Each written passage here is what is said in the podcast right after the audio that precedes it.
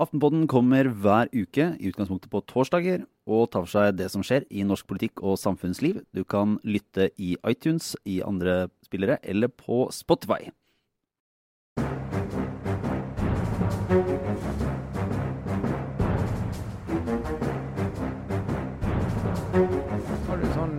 Kaninklokke? Det kan vi snakke om etterpå. Ja, jeg kjøpt meg. Det kan vi snakke om etter at jeg, etter at jeg har gått, så kan dere fortsette med det. Rett og slett. Ja, nei, men Da ønsker vi velkommen til en ny utgave av eh, Aftenpodden, vår politiske podkast om eh, det store statsbudsjettet Ja. som er levert i dag. Jeg er Lars Glomnes med Trine Eilertsen, politisk redaktør. God dag. God dag, god dag. Og kulturredaktør Sara Sørheim. Hallo. Eh, jeg lurer på, altså Statsbudsjettet, en høytidsdag for nerder og andre. Eh, hva, hvilken dag er det man skal sammenligne med? Det er, ikke, er det, jul, det er ikke helt julaften. Det er veldig mange, mye gaver, da. Så du får jo Ja. veldig mye penger. Så, eh, på, ja, julaften i så måte, kanskje. Men det er ikke like gøy som julaften. Det må jeg si. Litt mer sånn pinseaften for, Ja, eh, for vanlige folk, i hvert fall. Ja, po Polet er stengt og Ja. det, skjer et eller annet, men jeg vet ikke helt hva det er. Ja, ja. Det er, nei, nei, for vi har jo da, som raringene vi er, og siden vi må gjøre det, så har vi vært i, i en slags statsbudsjettmodus. Det var en eh, kollega som spurte i går, eller tidligere i uka, når er folk egentlig i statsbudsjettmodus? Fordi vi skulle, skulle planlegge når vi skulle legge ut diverse saker. Så sånn, nei, altså, jeg er ikke sikker på om folk noen gang kommer dit. Vi får, Vi må på en måte tvinge de inn i det moduset og si det er det ikke noe annet å forholde seg til enn statsbudsjett. Og det er Men- på selve dagen. da. Og, Ja. og kvelden før er jo lekkasjebonanza. Så det er, det er det vi skal ta for oss eh, i dag. Så Vi blir det litt eh, Donald Trump og litt kultur og um, litt Og diverse. litt sextrakassering. Litt sex- Trakassering er jo Ja. alltid gøy å snakke om. Vi kan jo kanskje, før vi går i gang, bare unnskylde litt. Vi er litt sånn på en måte tallfulle. Eller i hvert fall jeg. altså Etter en hel dag med sånn stirrer inn i sånne budsjettall. Og dette er ettermiddagen vi snakker på nå, så, så hvis vi er litt ufokuserte, så er det ikke vår feil. Det er, det, det er kolonnene i, i budsjettet sin feil. Eller du Trine, du blir kanskje bare ekstra konsentrert du av å sitte og se på tall etter tall etter tall. Nei, men vi blaffer jo inn Vi, vi kan jo sikkert snakke litt om det, Lars, hvordan disse dagene fungerer for sånn som oss. Å våkne. Nå, ny, ny, det nye er at uh, nøkkeltallet kommer klokken 08.00. Før så kom jo alt klokken 10. Det var jo så mye armer og bein å begynne å bla. Men jeg fant ut De Det er 18 år siden jeg dekket mitt første budsjett. Det er jo helt skandale.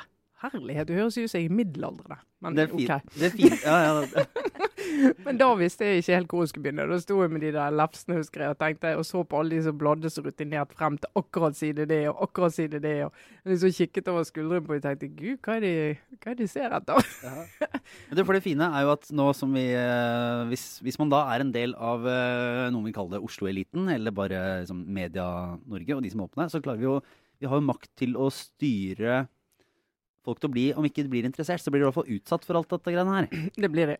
Så, Så- må vi jo gjøre det så, så smerteløst som mulig, på en måte. For de som skal forholdes til det, og som Og da- ikke går med dette inn i hodet. Så da må de liksom Første tallet vi ser etter, det er totalen. 1325 milliarder kroner. Det er totalen. Ja. Kost, totalkostnadene. På sånn budsjettet, ja. utgiftssiden. Ja. Og så er det andre tallet vi Det er særnorsk. Særnorsk. Hvor stor er oljepengebruken? Altså hvor mye øker han med? Hvor mye øker han med? Øker med 6 milliarder i år. 2,9. Altså rett under den nye handlingsregelen som er satt ned fra 4 til 3% Ja. Og det andre er liksom i kroner, liksom budsjettunderskuddet, da. Så altså vi, hvis ikke vi hadde hatt oljepenger, så hadde vi hatt underskudd på budsjettet på 250-230 milliarder kroner. Og det tilsvarer liksom oljepenge, oljepengene. For vi har jo ikke underskudd. Vi går i balanse pga. Men det oljepenger. der er fint, da. Du er jo Og budsjettimpulsen, ikke ja. minst. Ja. Uh, vi stopper deg der, vi. Uh, men jeg bare lurer på, for noen som er såpass uh, opptatt av ansvarlig mm, oljepengebruk og i det hele tatt offentlige utgifter og sånne ting som det du er, Trine, Mm. Så er jo statsbudsjettdagen en, eh, en mulighet til å bli, eh, bli veldig redd eller bli veldig glad. Kan du, hva kan du si? Ja. Hvordan har dette påvirket nervene dine i dag? Nei, har, det har jeg også gått litt i meg sjøl, for jeg har skrevet da, kommentarer om statsbudsjettene i alle disse årene. Om ikke jeg har skrevet hvert år, så i hvert fall nesten. Og de har alltid vært sånn Nei, nå bruker vi for mye penger. Dette er det all grunn til å se mørkt på. Her burde man ha strammet inn. Her burde man ha prioritert. Eh, redd jeg skriver den Vi kommer til å skrive den nå igjen. Men jeg, bare, jeg, og, jeg er jo ikke aleine som kommentator å ligge i det sporet. Det, må, det skal jo sies, da. Mm. Eh, og det var jo en, eh, en, eh, en av våre bedre kilder i regjeringsapparatet som tok kontakt og sa det at det er noe fascinerende hvordan dere kommentatorer og lederskribenter i alle mediehusene skal fortelle at vi bruker så mye penger og vi er ikke er i stand til å prioritere.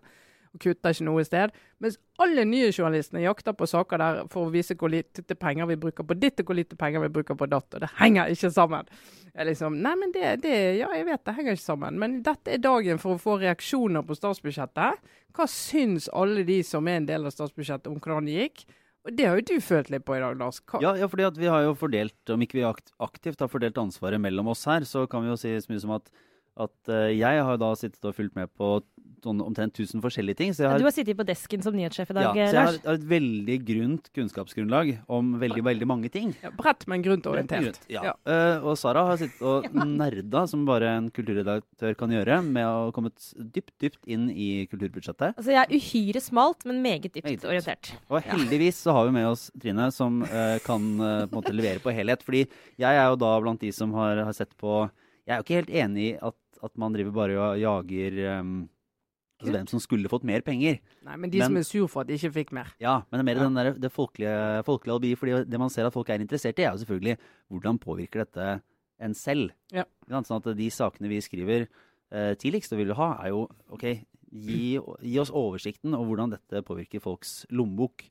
Og eh, så er man opptatt av hvem som både vinner og taper. Og det er jo, det er jo typiske sånne saker som, eh, som sånne smartass-politikere syns er litt lettvinne, lettvinnende, da. Mm. Særlig dette med vinnere og tapere, men, men også liksom rett på lommeboka. Det er litt enkelt. Men det er helt åpenbart at det er det folk har lyst til å lese. Ja. Det er veldig vittig å være politiker og si ja, jeg er så opptatt av folks hverdag og jeg er opptatt av vanlige folk. Og så når vi lager saker om lommeboken, så bare himler de med øynene og syns at det er smått. Må, ja.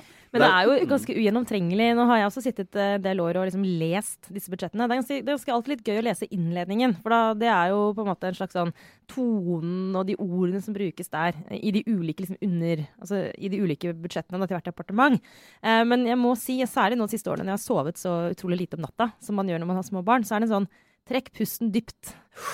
Og så går du inn i det, for det er jo ikke akkurat altså, De hadde hatt litt å lære av journalister kanskje på bare evne til å skrive en ingress eh, som er forståelig i disse budsjettene sine. Altså Det er ganske tung materie, eh, og så må det være ganske sånn detaljrikt eh, av natur. Eh, selvfølgelig. Det er, ikke en, det er ikke en kort nyhetssak. Det er, er et budsjett. Det skal ikke være så lett å lese det.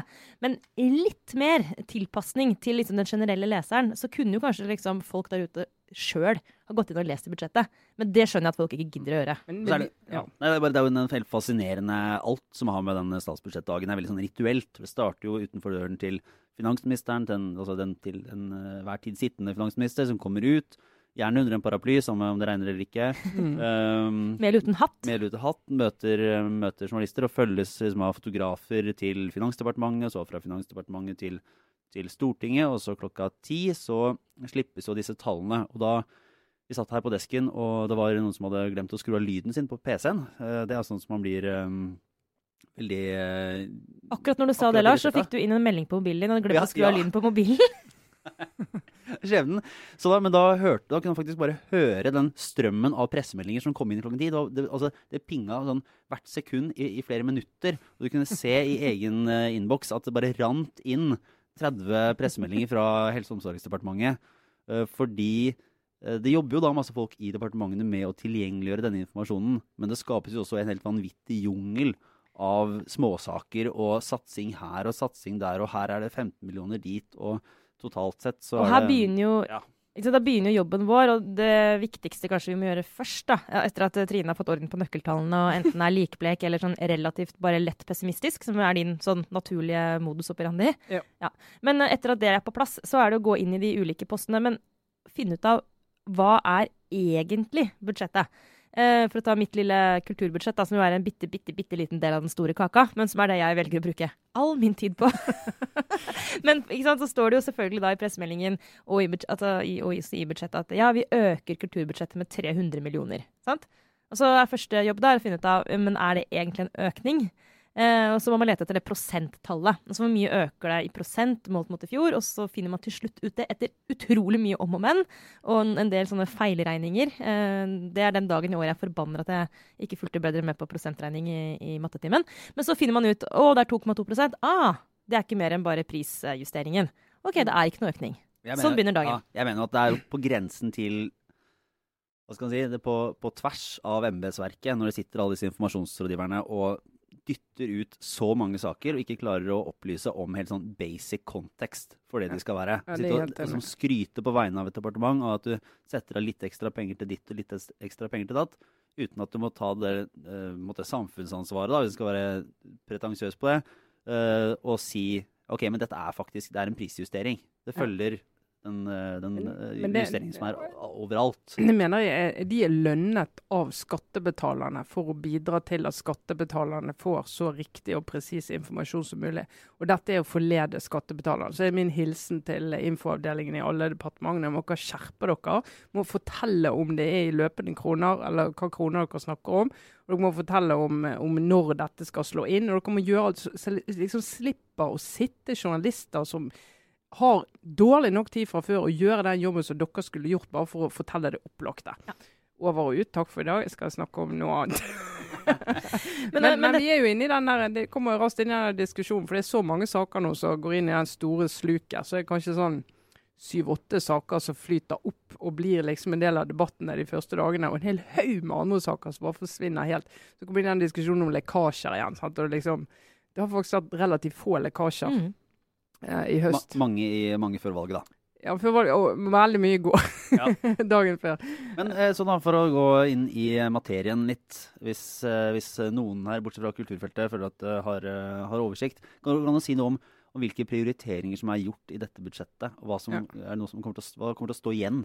Nei, altså Det var jo en viktig påminning. da, at Dette er jo siste året de skal følge opp eh, Sundvolden-erklæringen, eh, altså som de hadde da. Gjøre den ferdig. Den eh, har jo eh, utløpsdato snart. Eh, så i dette budsjettet, Det første er jo at det er preget av samarbeidet mellom de fire partiene. Samarbeidsavtalen er jo over, men de fire partiene, deres ånd ligger jo over hele budsjettet. Og det er masse KrF og Venstre-politikk i dette budsjettet. Ja, Det så du i Stortinget i dag, når Venstre og KrF skulle og så er jo sånn i Stortinget at finansministeren holder sin finanstale på en 40-50 minutter, og så kommer opposisjonen, eller ja, stortingspartiene. Etter størrelse, da skal de kommentere det. Forutsigbart nok så kom eh, Arbeiderpartiet og mente at det var, det var ikke skjedd en puck på fire år, og kom heller ikke til å skje noe neste år. Det var en skandale. Og så kom Venstre og KrF og syntes dette var kjempegodt utgangspunkt for en prat. Supre greier. Men nå, jeg, nå, nå lurte jeg på noe sånn helt sånn om prosess her. Vet de da Altså, hvor, hvor lang tid på forhånd får de se tallene?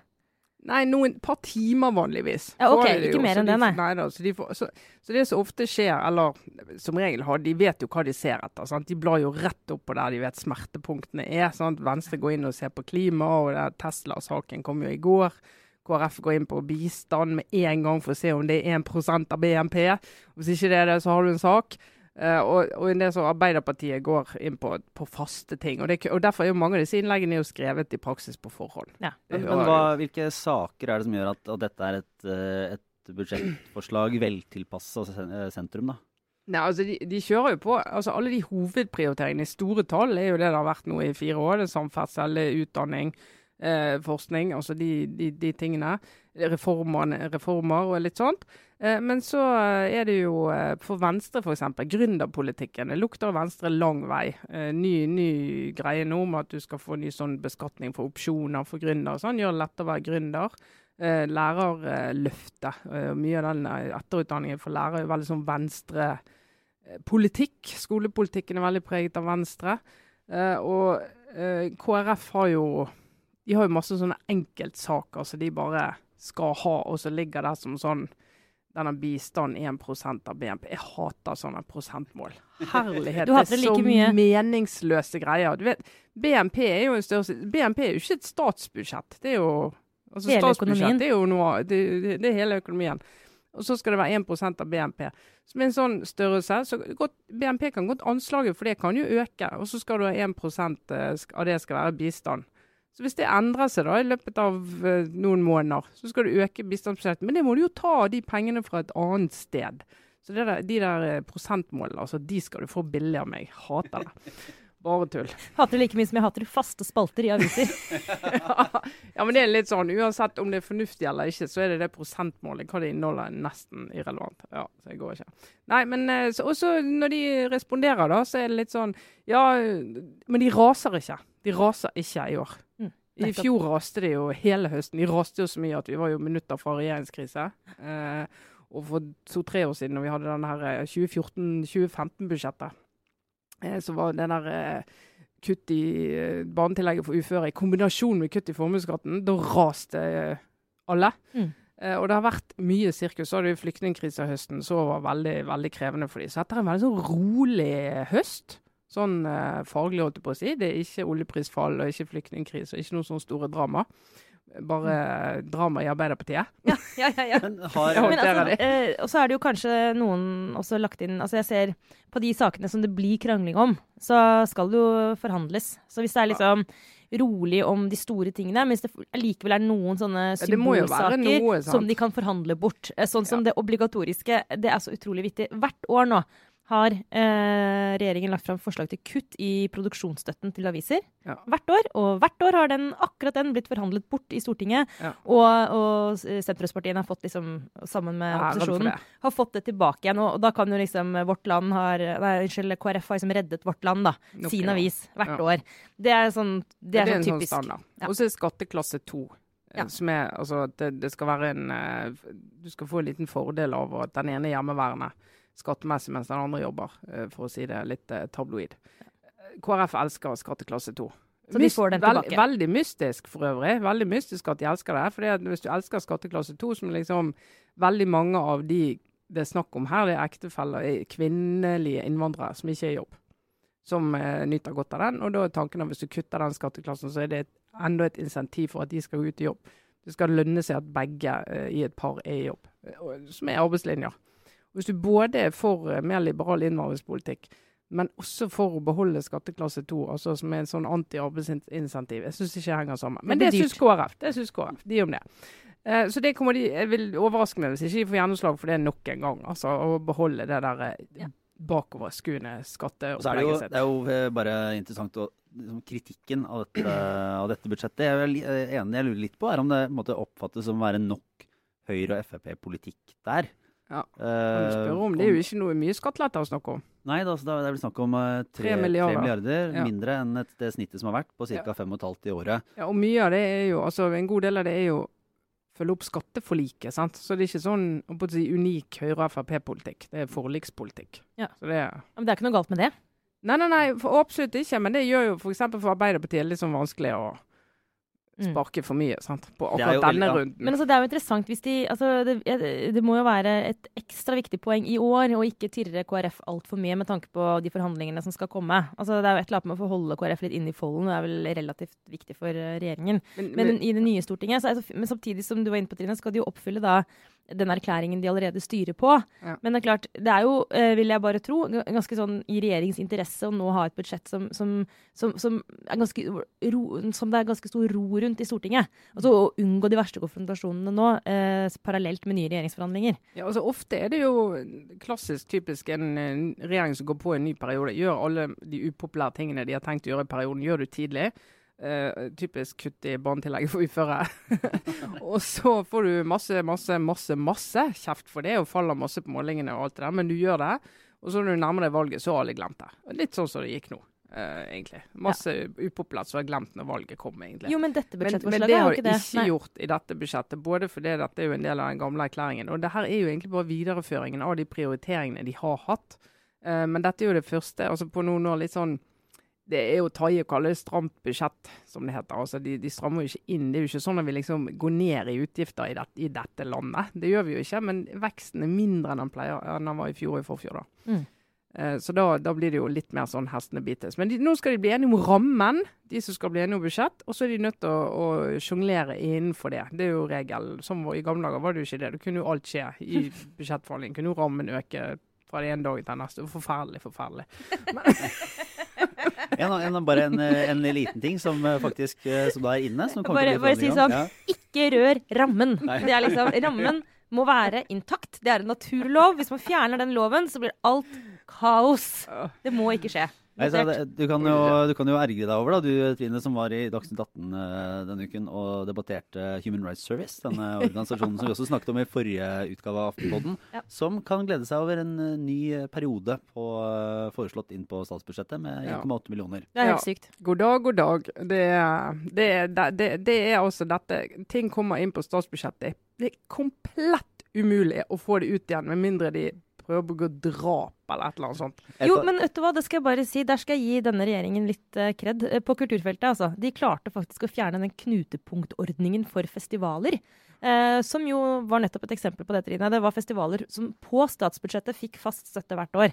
eh, som jo ikke har Altså, du kan ikke ha sånne ting på et statsbudsjett. Det får de ordne borti Kulturrådet. Men har du nå sjekket om den der lunsj- og musikkordningen eller ennå? gjør. Den er er der, Trine, men jeg har ikke turt å si det til deg. 20 millioner du skal bruke for at folk skal få musikk i lunsjpausen over statsbudsjettet. Ja da. Det du egentlig skulle si om den debatten på Dagsnytt 18, Ja. og bare det var et, sånn, et fin, veldig fint og ubetalelig øyeblikk der Eilertsen glemte at hun også var på TV, og eh, hadde et sånn klassisk blikk på på den Frp-representanten som argumenterte for fortsatt støtte til Human Rights Service, og du kunne bare se at hun var sånn Ja, det er det blikket du ikke vil ha av Trine Eilertsen når du sitter på et redaksjonsmøte og lanserer en idé. Jeg har sett det blikket på ledermøter også. Eh, det er jo kunne gått rett inn i boka til eh, Dags 18-programleder Sigrid Sollund. Eh, den er heldigvis for deg, Trine, ferdig skrevet. Så Ja, ja, hun ja. lanserer en bok om hersketeknikker nå rett rundt hjørnet. Eh, etter flere år som programleder i, i Dagsnytt 18, så har hun jo observert Litt et si ja. utall. Eh, men type sånn, sånn blikking er jo, fungerer jo Ja. kjempebra, da. Ja, det, altså Uten hersketeknikker stopper Norge. Jeg mener, Kom igjen, må ikke slutte med det. Det blir bare tull. Eh, ellers, hva skal jeg si? Det kommer altså ikke til å strande, antageligvis, dette borgerlige samarbeidet på det her. Nei, altså, jeg, jeg tror ikke det. Altså, de får liksom, nå starter de den nye perioden med å få seg et flertall i Stortinget rundt det budsjettet, og så ha- hangler de videre. og Det kommer masse andre vanskelige saker, men jeg tror, jeg tror ikke det er budsjettet de går på. Altså. Det, det vil overraske meg veldig. Det vil Mm. overraske meg veldig. Bare lo jeg én ting i dag. Da Bjørnar Moxnes kom med det som sikkert var den beste kommentaren i, eh, i debatten i etterkant. Fordi alle skriver jo mer eller mindre dette her på forhånd. Eh, og, og Rødt-lederen da hadde en kommentar om at eh, statsbudsjettet var som av filmen 'Snømannen'. Ja. Der alle har så høye forhåpninger, og så ender det med å bli en, knapt en toer. Så var det sånn Ja, det er godt sagt, da, Men jeg nekter jo Det er ikke sånn at Bjørnar Moxnes satt og, satt og tenkte bare Dette budsjettet tror jeg jammen blir en sekser. Det, her- det, her- det kommer til å bli så bra. No, Siv, Siv kommer til Hun overrasker meg i dag. Ja, så bare Nå kommer Siv Jensen, dagen, ja, nå liksom. kommer Ja. Siv Jensen til å levere for Rødt. Og så bare Hva faen skjedde? Svikta. Svikta. Men altså, helt ærlig, så så lett skuffa, Bjørnar, da det, det ja, men Jeg skal ikke. gi Bjørnar litt støtte på det. Jeg trodde aldri 'Snømannen' kom til å bli noe bra film. eh, og ble ble ikke noe bra film. Ja, du trodde ikke det? Nei. Ja, har du lest boken? Nei. Ja, nei men Nei. dette skal vi også snakke Vet om. hva, du hva, jeg eh, skal bare si at det, det Ikke fordi at jeg har forakt for krimlitteratur, for det leser jeg veldig mye av, men uh, Jo Nesbø blir bare det, det er for grotesk for meg. Jeg Jeg syns det er ekkelt. Jeg orker ikke. Jeg, jeg så den filmen hvor han ene fyren havner nedi en utedo. Har du sett den? Hodejegerne, er det ikke det? Ja, Hodejegerne. Takk. Er det Eh, Jo Nesbø? Etter det, så Jeg har aldri lest Jo Nesbø. Heller ikke av prinsipp, men jeg er bare ikke, jeg er ikke Det er ikke så folkelig. Nei, men jeg er ikke interessert. Det er bare det. Så den eh, Men skal jeg, si, skal jeg si noe? Det har ikke jeg heller. Å nei. Dette var ikke planlagt, kjære lyttere. Nå har vi kommet ut av skapet Nå som mistet vi folket. Jeg er helt sikker på det. Åh. Men jeg kan da, siden vi nå, som dere skjønner, har intenst behov for å snakke om noe annet enn statsbudsjettet, kan jeg da røpe at min samboer var på Snømann-premieren eh, og kom hjem, og jeg spurte var den, hva, hvordan var filmen. Han hadde ikke lest noen anmeldelser, han leser egentlig ikke aviser. Så han var sånn han gikk dit som et sånt nyfødt barn. Men han kom hjem og sa nei, jeg tror jeg må ha sovna ganske mye underveis. Så han var liksom skamfull, egentlig, for at jeg skjønte ingenting. Så jeg må ha gått glipp av sånne store liksom, deler av filmen. Hele plottet. Hele liksom. plottet var helt fjernt for meg, men jeg tror faktisk ikke han sov. Jeg var sånn, vet du hva, det er ikke It's not you, Det er bare en liksom. dårlig film. Det er bare helt, det er en film som er visstnok. Helt umulig å forstå. Men det var egentlig eh, det var eh, effektive her i dag, for dette var min obligatoriske refleksjon. Var nemlig 'Snømannen'. Ah. Uh, fordi jeg har jo ikke sett den, og jeg har jo ikke lest boka. Men jeg var Men du vil likevel reflektere litt over ja, det? fordi jeg trodde da Egentlig fram til i dag. Uh, og sånn sett så, så dør den her litt etter hvert. Men uh, for jeg tenkte at det kanskje var det tilfellet det man ser noen ganger når filmskapere og serieskapere prøver å lage noe fra, fra journalistmiljøet. Og sånn anmeldere. Samme Ja. som Mammon. så får du den derre Åh, vi ser ikke sånn ut. Og så blir det sånn, du føler at, man, at filmen skal beskrive en selv, og så kjenner man seg ikke igjen. Og så, Redaktører er ikke så idioter, tenker Ja. jeg. Ja. Vi sier mye smartere ting enn dette på morgenmøtene. ja. Og så får du den Nei, dette liker jeg ikke. Og sånn så tenkte jeg de norske anmelderne av 'Snømannen' så var litt sånn Ja, Atlanterhavsveien ligger ikke mellom eh, Kragerø og, eh, og Oslo. Eller sånn det er bare OK, det driter jo verden i. Ja. Ikke sant? Og, så hvordan, og det ligger en barnehage midt i Vigelandsparken. Nei, det er samme. Det, altså, det har jo ikke noe å si. Jeg tenkte kanskje at det var sånn snurte nordmenn som følte seg eh, ikke riktig gjengitt. Ja. Og så viste det seg da at eh, da de internasjonale anmeldelsene kom i dag også, så var det bare sånn Nei, det er kanskje Du, de har ikke jeg sett i dag, jeg. De er like dårlige. Ja. Jeg har vært inne i Ja, nettopp. Ja. Helt, helt krise. Mm. Ja. Ja. Og det kan jo da, apropos budsjettet, kan jo da si at dette Altså, eh, regjeringen er jo opptatt av eh, næring og kultur, at de skal samarbeide da. Så de vil gjerne ha liksom f.eks. store internasjonale filmproduksjoner til Norge. Og de har lagd noe som heter insentivordningen for akkurat det. Og den potten, nå tar jeg deg på husken, men jeg tror den var på ca. 40 millioner i fjor. Det Gikk ikke alle pengene til denne filmen? Absolutt. Ja, ja, Rubbel og ja, bit. Det var ja, to Eller- og en halv millioner eller sånt som ikke Ja, ok var med. Men uh... Poenget er at det brukte de på Snømannen, og, og Oslo kommune stakkars hadde jo sånn kjempemottakelse i rådhuset. Lurer på hva det kosta. Eh, på premieren, hvor de liksom skulle gjøre stas på dette, og eh, alle, alle var der og eh, viste seg frem. Eh, og det er liksom 40 millioner er jo penger, eh, som da har gått til dette makkverket, sannsynligvis. da. Jeg må snart se den filmen, for jeg kan vel ikke fortsette å si at den er dårlig uten at jeg faktisk har sett den selv. Men jeg har ingen lyst til å gå på kino. Eh, så det blir spennende å se om den faktisk selger billetter, da. Det kan Jeg jo hende. leste Bjørn Gabrielsen i DN sin anmeldelse, så jeg har ikke tenkt å se den. Livet, livet er for kort. Rett og slett.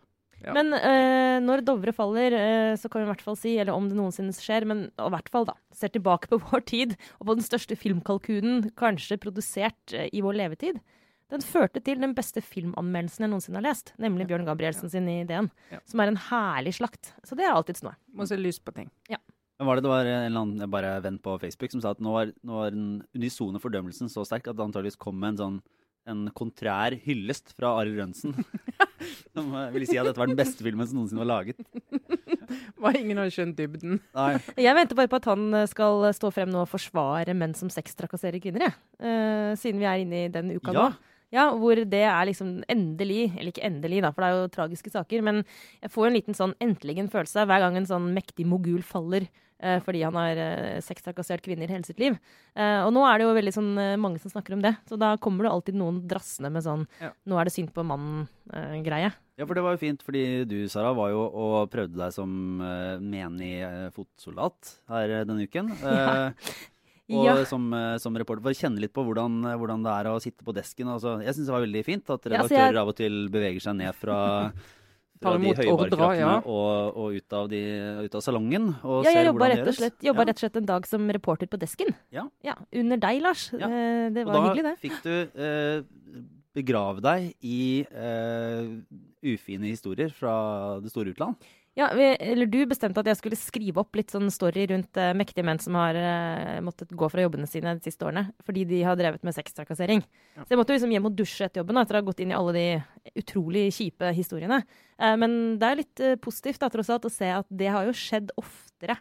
de siste årene. Altså, Det er jo en bevegelse nå hvor det har kommet til et punkt hvor hvis du blir tatt i å ha bedrevet en eller annen form for sextrakassering, og det blir dokumentert, så straffer det seg. Du kan ikke, det er ikke forenlig med å være direktør eh, nesten noen steder lenger, heldigvis. Men det er jo helt utrolig å se på hva som har gått gjennom Altså hvilken type oppførsel som det har blitt sett gjennom fingrene med.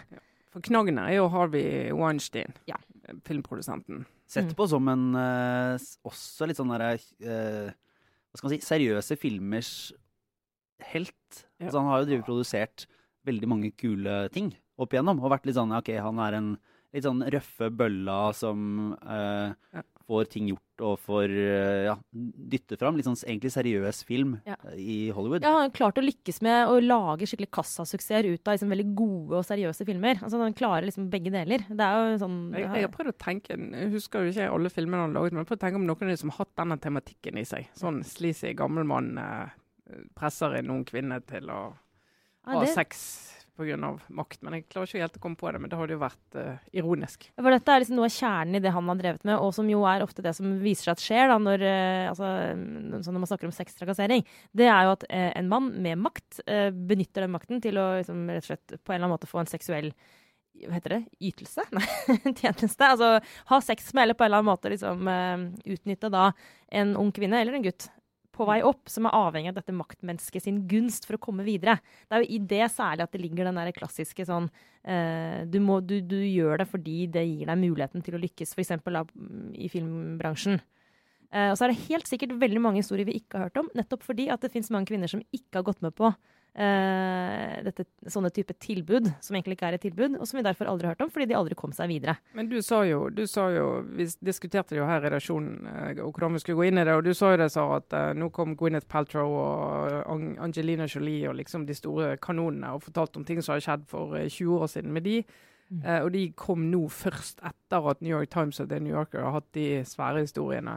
Eh, da kommer de, og heldigvis gjør de det. jo bare av det de gjør det, utløser at mange andre kommer. Men som du kommenterte, de kommer jo veldig seint på banen. For de har jo hatt makt veldig lenge og hatt muligheten til å ta tak i det her, men gjør det. Har ikke gjort det før. Hvorfor har de ikke gjort det, jeg tror? Ja, det er jo et veldig godt spørsmål. Altså, det, det, er jo litt, det er jo en gjenganger. sant? Men poenget her er det fortsatt så uh, mye risiko involvert ved å gå ut mot en mektig mann at selv en Angelina Jolie eller en Gwyneth Paltrow uh, liksom ikke tør.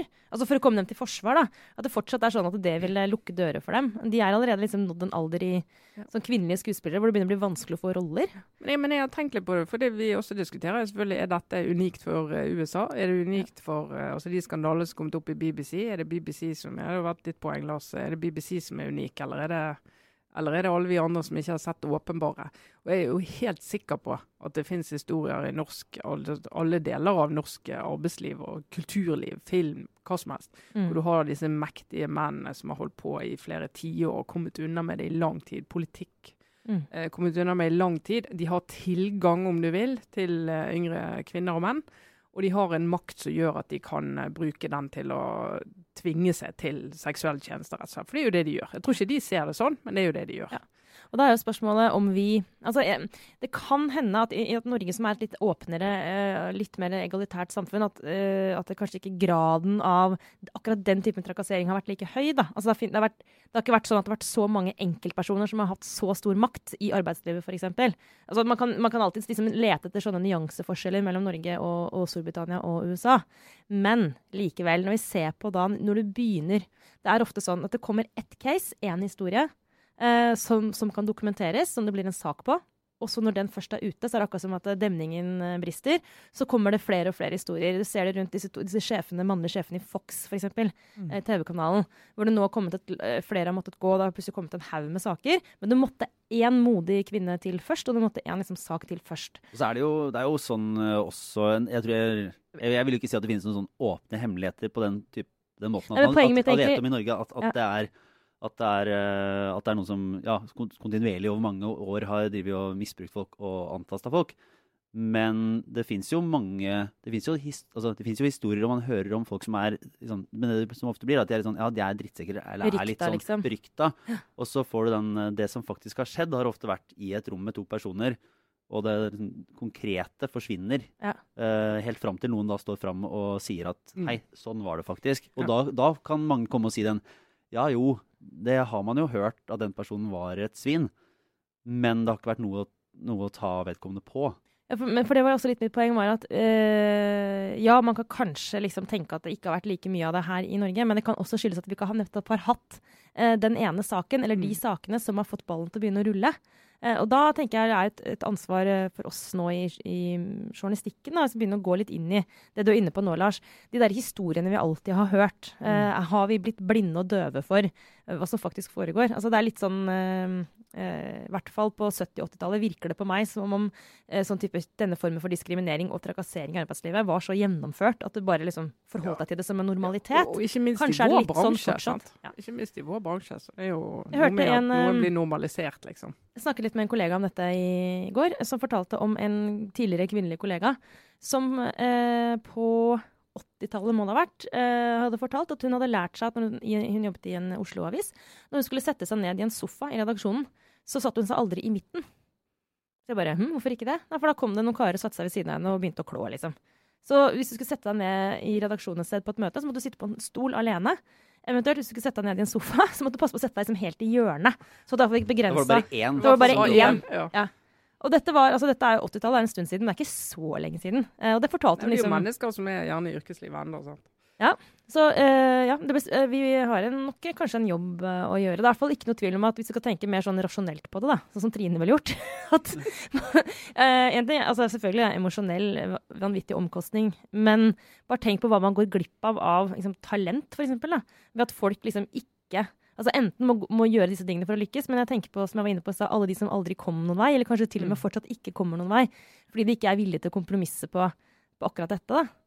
Det er liksom, ja, det, Du kan si, uh, dette, det her er kanskje en sånn et sånt toppøyeblikk i Aftenpåndens Aftenpådens historie i sånn flyt av temaer. Fordi neste for Du har jo din obligatoriske refleksjon, Trine. Ja. En Er det enda en overgang? pervers gammel mann. Snakker om sola!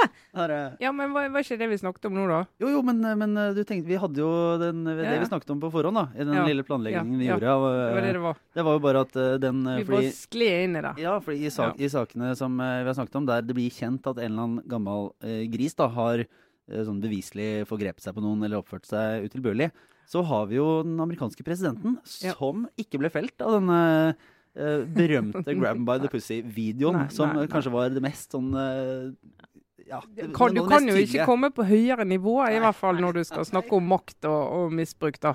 Selv om han ikke var president da, da det skjedde. Nei, altså, en av de uh, ukens uh, snakkiser, rett og slett, er jo diskusjonen som nå pågår i USA om hva de skal gjøre med det faktum at de har en mann i presidentstolen som er uegnet. Ikke bare Eh, sånn litt dårlig, men sånn direkte uegnet. Eh, Washington Post eh, eh, publiserte en lederartikkel denne uken her med tittel 'What to do with an unfit president', som jeg mener er en historisk tittel på en lederartikkel.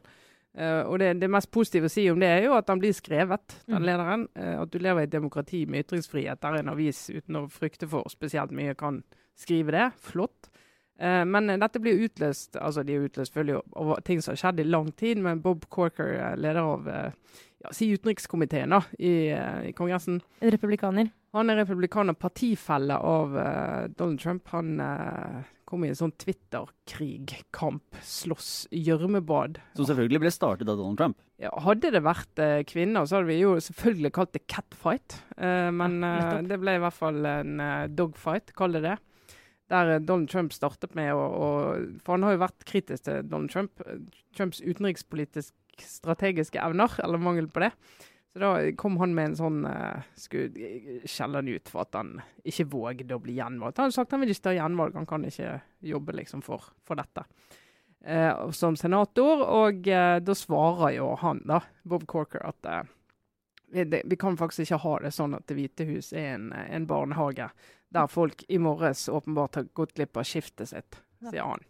Og snakker i vei om at det er en ve veldig viktig oppgave for de som jobber rundt presidenten, er å sørge for at han ikke gjør helt crazy ting, og at han liksom holder seg innenfor en viss en viss mal, da, og at det går enormt mye energi på å liksom passe på at presidenten ikke driter seg ut. Det er jo Mm. egentlig det han sier. Og så Noe av det mest fascinerende her syns jeg er at, at det, det har åpna døren for å snakke om en statsleders syke, mer eller mindre. Sånn, sånn- det, er noe, det er noe litt sånn Ja, det, det noe helt diagnostiserende som, som, eh, altså. som man eh, med god grunn, sånn presseetisk, eh, i all hovedsak holder seg unna. Ja. For det er en måte å, måte å så tvil om altså på, Ja, apropos hersketeknikker. Ja. Ja. Ja, og det, men, men som Corker knytter det jo til politikk og sier at dette er jo en mann som kan dra oss inn i tredje verdenskrig. Så dette, dette må vi diskutere hva vi skal gjøre med. Mm. Uh, og da, da kan du liksom si, hvis, hvis han får det for seg, hva, hva kan hans administrasjon gjøre for Det er jo en liksom saklig diskusjon de har. Hva kan de gjøre, liksom?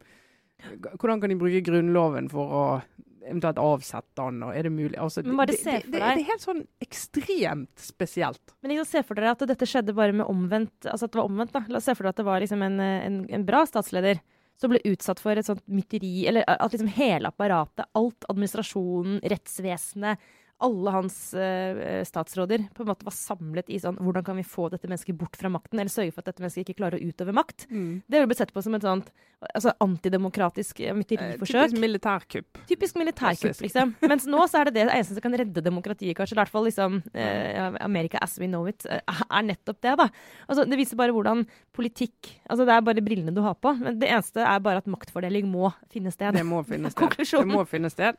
Og det, og det er veldig, veldig bra at så mange, da, både, og også nå blant republikanere, reagerer mot en president som er ja, Han er jo uegnet. Han har jo en personlighet og karaktertrekk som gjør at han er ikke egnet til å ha en sånn rolle. Det, runde av den med bare to egentlig da Jeg, jeg, jeg kupper den med to anbefalinger. Det ene er eh, Vanty Fair, som har en, en veldig god reportasje om, om hvordan det skal ha bare rabla, mer eller mindre, for eh, Trump. Eh, Det er nok grunner til å lese den med en viss sånn raushet for, eh, for at det ikke er, eh, omfatter alle kilder.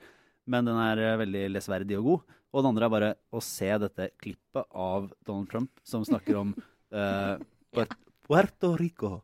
Så, altså, den, den legger du ut det, er- på. Facebook. det er, jeg, hadde, jeg hadde lest om det, og jeg ante ikke hvor sinnssykt det var. Ja, vi eh, lo i ti minutter av det før sending, kom. Ja. Altså, han står og skal holde en tale med sånn sorgtung Melania ved sin side til liksom, de katastroferammede innbyggerne på Puerto Klarer ikke å si det engang. Puerto Rico!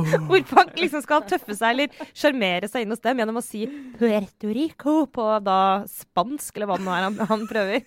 Eh, Noe som er Det er så bisart komisk, særlig i den settingen, som er dypt tragisk. Og bare se litt på Melania i bakgrunnen der, liksom. Hun bare Hvis hun kunne teleportert seg bort, så ville hun gjort det liksom med en gang. Altså, stakkars Melania. Jeg mener ikke å liksom snakke Jeg mener ikke å inn... Ja, fy fader. Er liksom, Man skal ikke ynkeliggjøre en medsøster, da, for å være litt sånn feministisk. Som stakkars, stakkars. Men altså, stakkars, stakkars. Klar gift Ja, nei, jeg skal ikke Men begynne. eh, en, bare en, en annen ting. Du reiser til USA i morgen, du. Du, altså, jeg vet ikke om noen av våre faste lyttere husker at for ganske lenge siden så var Trine i San, San Francisco. Sa San Francisco. det var i mars. Ja. Ja, på lederkurs uh, som Skipsted arrangerer. Uh, og nå er det, veldig min stas. tur. Ja. Ja. Så jeg reiser dit uh, i morgen, blir borte en uke. Så neste uke, hvis jeg blir med på Aftenpodden, så er det fra et hotellrom i San Francisco. Du er med via Fox. Ja. Eh, Ja. Det gleder jeg meg veldig til. Det morsomste Ja, nei, vi skal Vi tar, vi tar det her neste uke.